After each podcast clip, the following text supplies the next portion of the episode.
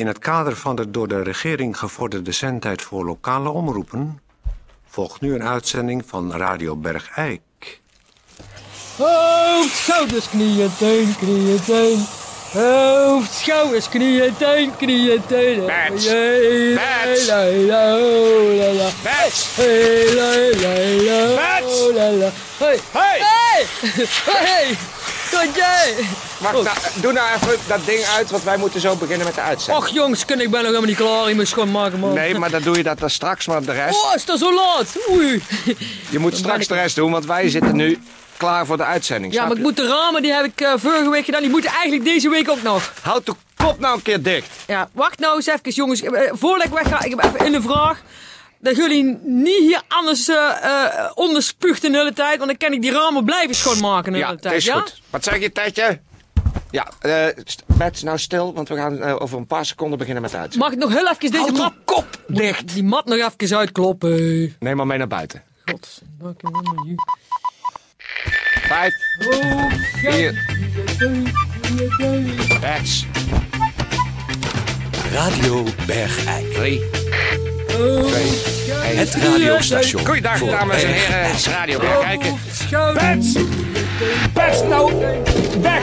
Kop dicht en weg. Ik ben begonnen met de uitzending. Zou toch buiten de studio? Begin nou maar, Buiten de begin- studio, man. Goeiedag, go- begin nou maar. Goeiedag dames en heren, dit is Peer van Eersel. U hoort on- op de achtergrond de huiselijke geluiden van Berts Overloon, onze interieurmedewerkster. Maar is er niks met tas vergeten, sorry. Ja, Eh, wij gaan beginnen met de gewone uitzending. Neem mijn sigaret even aan. Toon Sporenberg, u hoort onze werkster Bets Overloon het pand verlaten. Goeiedag Bets. dag Mijn boekje, mijn boekje, mijn boeketreeks ligt daar. Oh god, daar, daar- daar ligt nog een boekje van jou. Hier. Ja, oké. En wij hebben weer een boordevolle uitzending. Precies. Hallo, veel plezier. Ja, dag. En we gaan heel veel eh, dingen doen. Zoals... Gemeenteberichten. Nee, dat zou ik zeggen. Nee, Gemeentebericht. nee. Oh nee, ik heb het draaiboek andersom. Ja, jij zou het zeggen. Zeg het maar. Ja, gemeentebericht.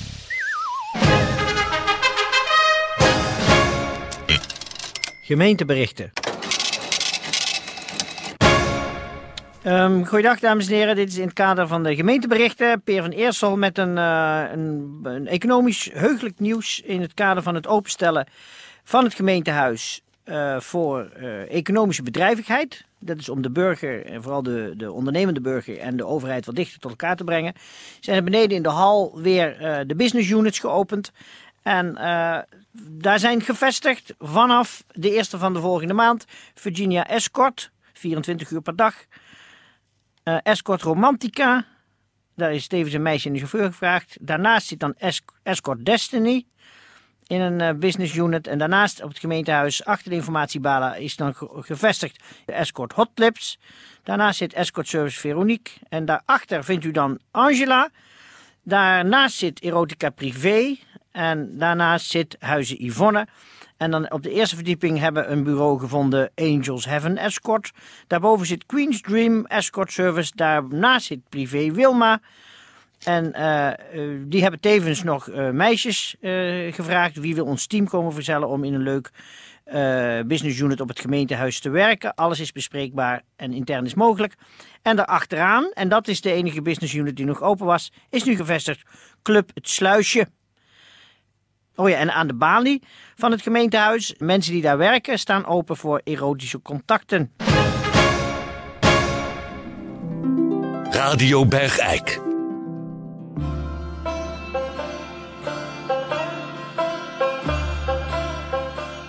Hallo, ik ben Sonny Wittebroek. Ik woon op de Dr. Hoink van Papendrechtstraat in Bergijk. En ik zit in Eersel op de grote school. Het was nog deksels niet makkelijk om op die grote school een plaatsje te verwerven. Ze blieven geen volk van Bergijk, maar ze zijn wel verplicht, want het is een buurgemeente. Toch ben ik de enige die het heeft volgehouden en nu denk ik blijf zitten dat ik er zit. Zo zit ik nu al voor de zeventiende keer in de derde groep. Heb ik twee keer in, in de klas 2 gezeten en de brugklas. Ik ben nu, is de tel mij ontschoten. Het nadeel van als je de oudste bent op een grote school in Eersel, is dat het meubilair een beetje krap gaat zitten. En daarom heb ik, als ik vooral als een korte broek draag, eh, rode moeten in mijn bovenbenen. Als ik dan met die rode moedkermen thuis kom, dan gaat meester Panken mijn varkentje altijd likken aan, mijn aan de rode gleuven.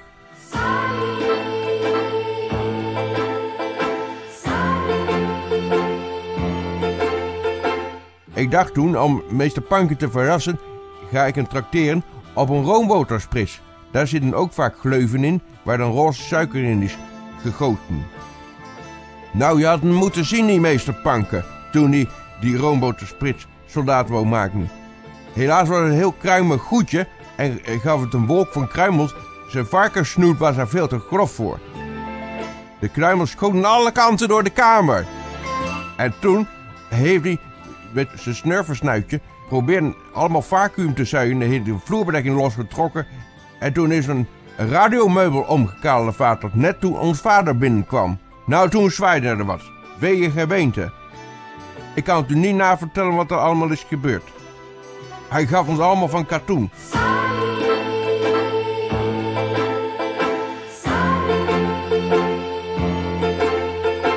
Hij takelde meester Panken zo toe, hij poeierde en en hij boterde zijn koekje. Hij gaf een oplababber dat hij later terug is gevonden in een, door het glas van een loodkeukenraam van buurman Butje. Zijn snoet klapte een klem in een tosti ijzer. Daar lag de smeulen op zijn petroleumstel en het hele kadaster van buurman Butje is toen in lichte laaien geschoten. Mij hebben ze teruggevonden in de kroon van een rode paardenkastanje op het erf van Jan van Woerkom. Maar daar weet ik zelf niks meer van. Nou, dan was het weer dag. Radio Bergijk. De geschiedenis van Bergijk.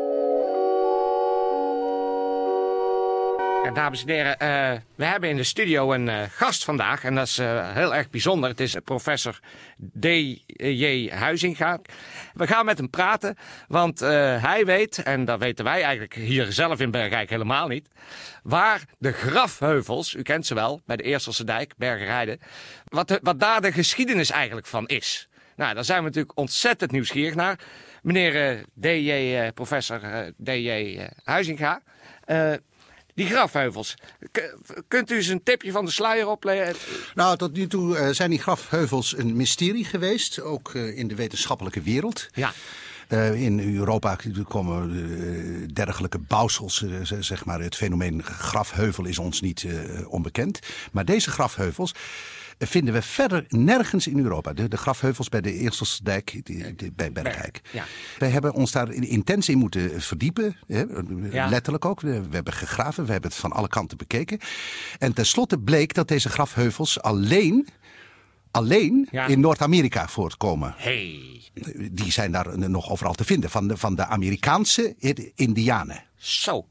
En dat is het grote mysterie, hoe nergens anders in Europa, behalve bij de Eerselse dijk, eh, in Bergijk, zo'n Noord-Amerikaanse grafheuvel, een een paar grafheuvels, Ja. eh, daar zijn geweest. Maar ik, ik ga me er even mee bemoeien. Dit is natuurlijk Peer van Eersel, maar ik, ik zit met mijn oren te klapperen. U zegt nu, professor, dat de grafheuvels hier dus eigenlijk van Indiaanse oorsprong zijn. Eh, ze dateren uit eh, 1493. Hey. En eh, ze zijn aangelegd door twee eh, eh, Noord-Amerikaanse Indianen. Nou ja. Maar bedoelt u echt met van die Ja, op destijds de in, in Bergijk het was een zeevaarder, eh Arend Corneliszoon, die samen met eh, Columbus eh, naar eh, Amerika, de Amerika heeft ontdekt eigenlijk. Ja. Precies, ja, Als- die als- weet als- ik. Daar staat enige een- Nederlander. Arend Corneliszoon, dat is Die natuurlijk de enige held die Bergijk heeft voortgebracht. Ja. Daar worden we allemaal mee opgevoed op de lagere school. Ja. Precies, die, die heeft dat. Maar dit, dit is, en en als ik uitverteld ben, zult u begrijpen, om begrijpelijke reden in de doofpot gestopt. Hij is daar in Amerika gekomen en heeft daar vriendschap gesloten met een tweeling van de zwartvoet Indianen.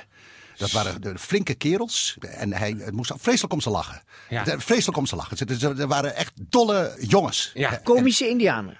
ja, Lach, of- of- lach-Indianen.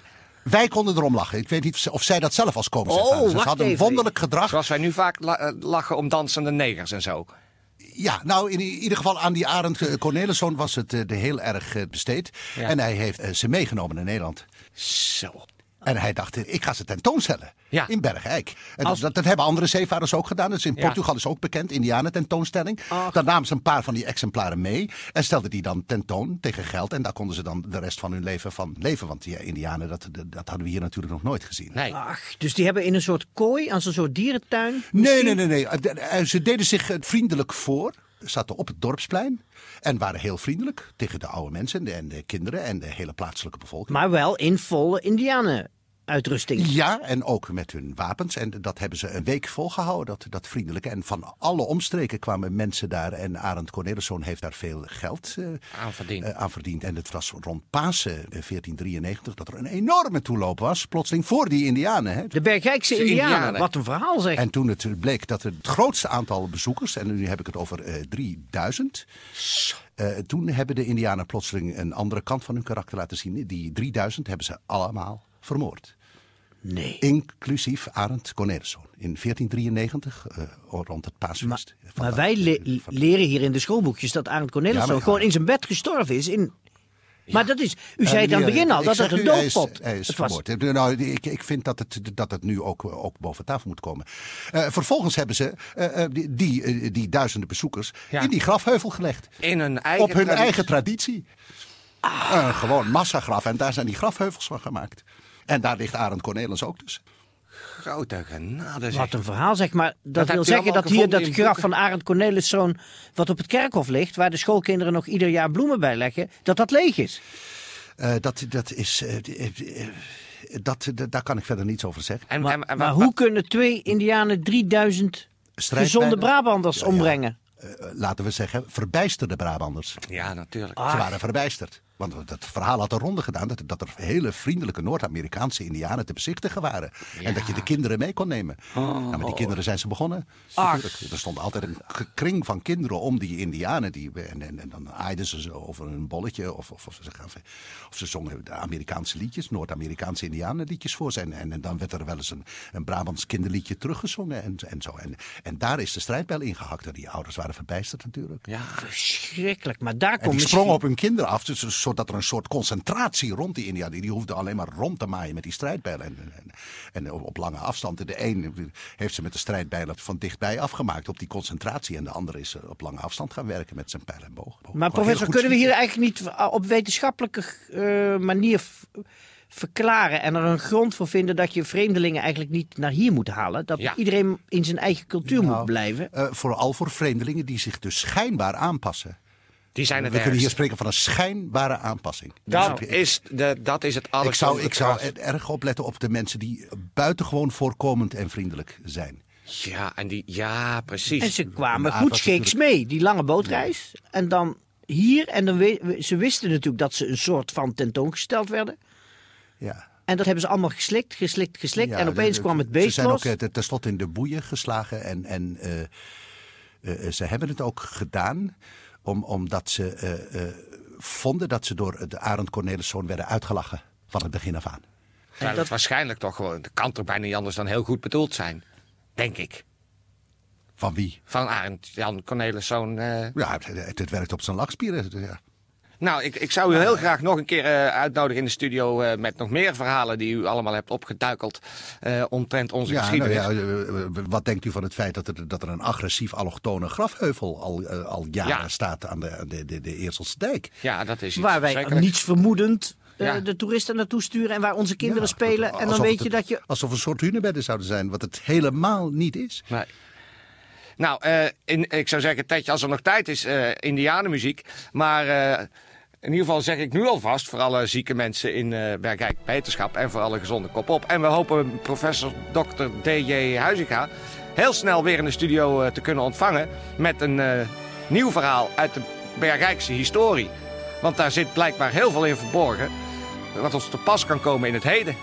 En wat mij zo bevalt aan u, professor Huizinga, dat u het in gewone mensentaal vertelt. Ja, Ja, er zijn wel jaren van studie vooraf gegaan. En toch bent u een, een, Ja. een eenvoudige man gebleven. De waarheid is simpel, tenslotte. ja. Kijk, dat is een uitspraak. Die gaan, gaan we op een tegel zetten. De waarheid is simpel. precies. Misschien eh, mogen we ook wel zeggen, wees voorzichtig met het uitlachen van vreemdelingen. Ja, maar pas ook op voor de meest aangepaste en voorkomende. Ook dat.